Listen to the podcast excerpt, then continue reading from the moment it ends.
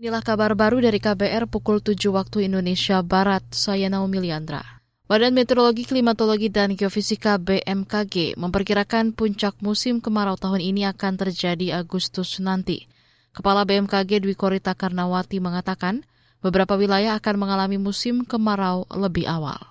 Sebagian besar wilayah Indonesia sebanyak 321 zona musim atau 45,92 persen akan mengalami puncak musim kemarau pada bulan Agustus 2023, yaitu meliputi Sumatera Selatan bagian timur, Pulau Bangka, Belitung, Lampung, sebagian besar Pulau Jawa, sebagian Kalimantan Timur, Kalimantan Selatan, sebagian Pulau Sulawesi, sebagian Papua.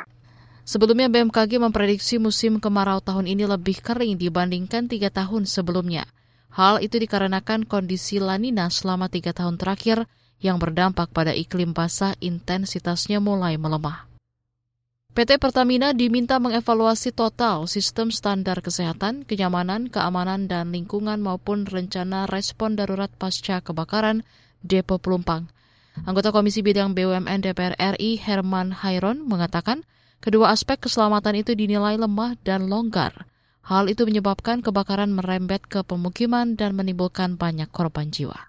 Ini adalah bukti dari kegiatan mereka yang tidak berpedoman kepada HSSE dan ERP yang yang yang betul-betul dia pegang teguh gitu. Dan sekarang ya kalau lingkungannya seperti itu, ya apakah akan dilakukan pembebas agar ada John atau memindahkan depo? Saya kira pilihan gitu ya, pilihan mereka. Jangan pula kemudian angat-angat tai ayam.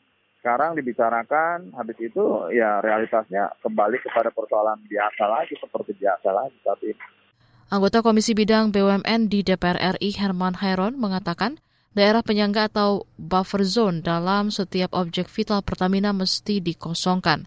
Sebab peristiwa kebakaran di depo Pelumpang mengakibatkan dampak yang fatal bagi lingkungan sekitar. Sebelumnya kebakaran terjadi di depo Pertamina di Pelumpang Koja, Jakarta Utara pada Jumat malam lalu. Imbasnya belasan warga meninggal dunia dan puluhan rumah hangus terbakar. Kita ke informasi kesehatan. Kementerian Kesehatan menyiagakan 195 rumah sakit rujukan untuk menghadapi ancaman wabah flu burung. Dikutip dari Antara, Direktur Pencegahan dan Pengendalian Penyakit Menular Imran Pambudi mengatakan, Ratusan rumah sakit disiagakan setelah ada temuan kasus flu burung pada unggas di sejumlah titik di Kalimantan Selatan. Meski begitu, Imran berharap tidak ada penularan virus flu burung pada manusia. Kemenkes juga menyediakan obat oseltamivir yang masih bisa digunakan dan siap dikirim ke rumah sakit.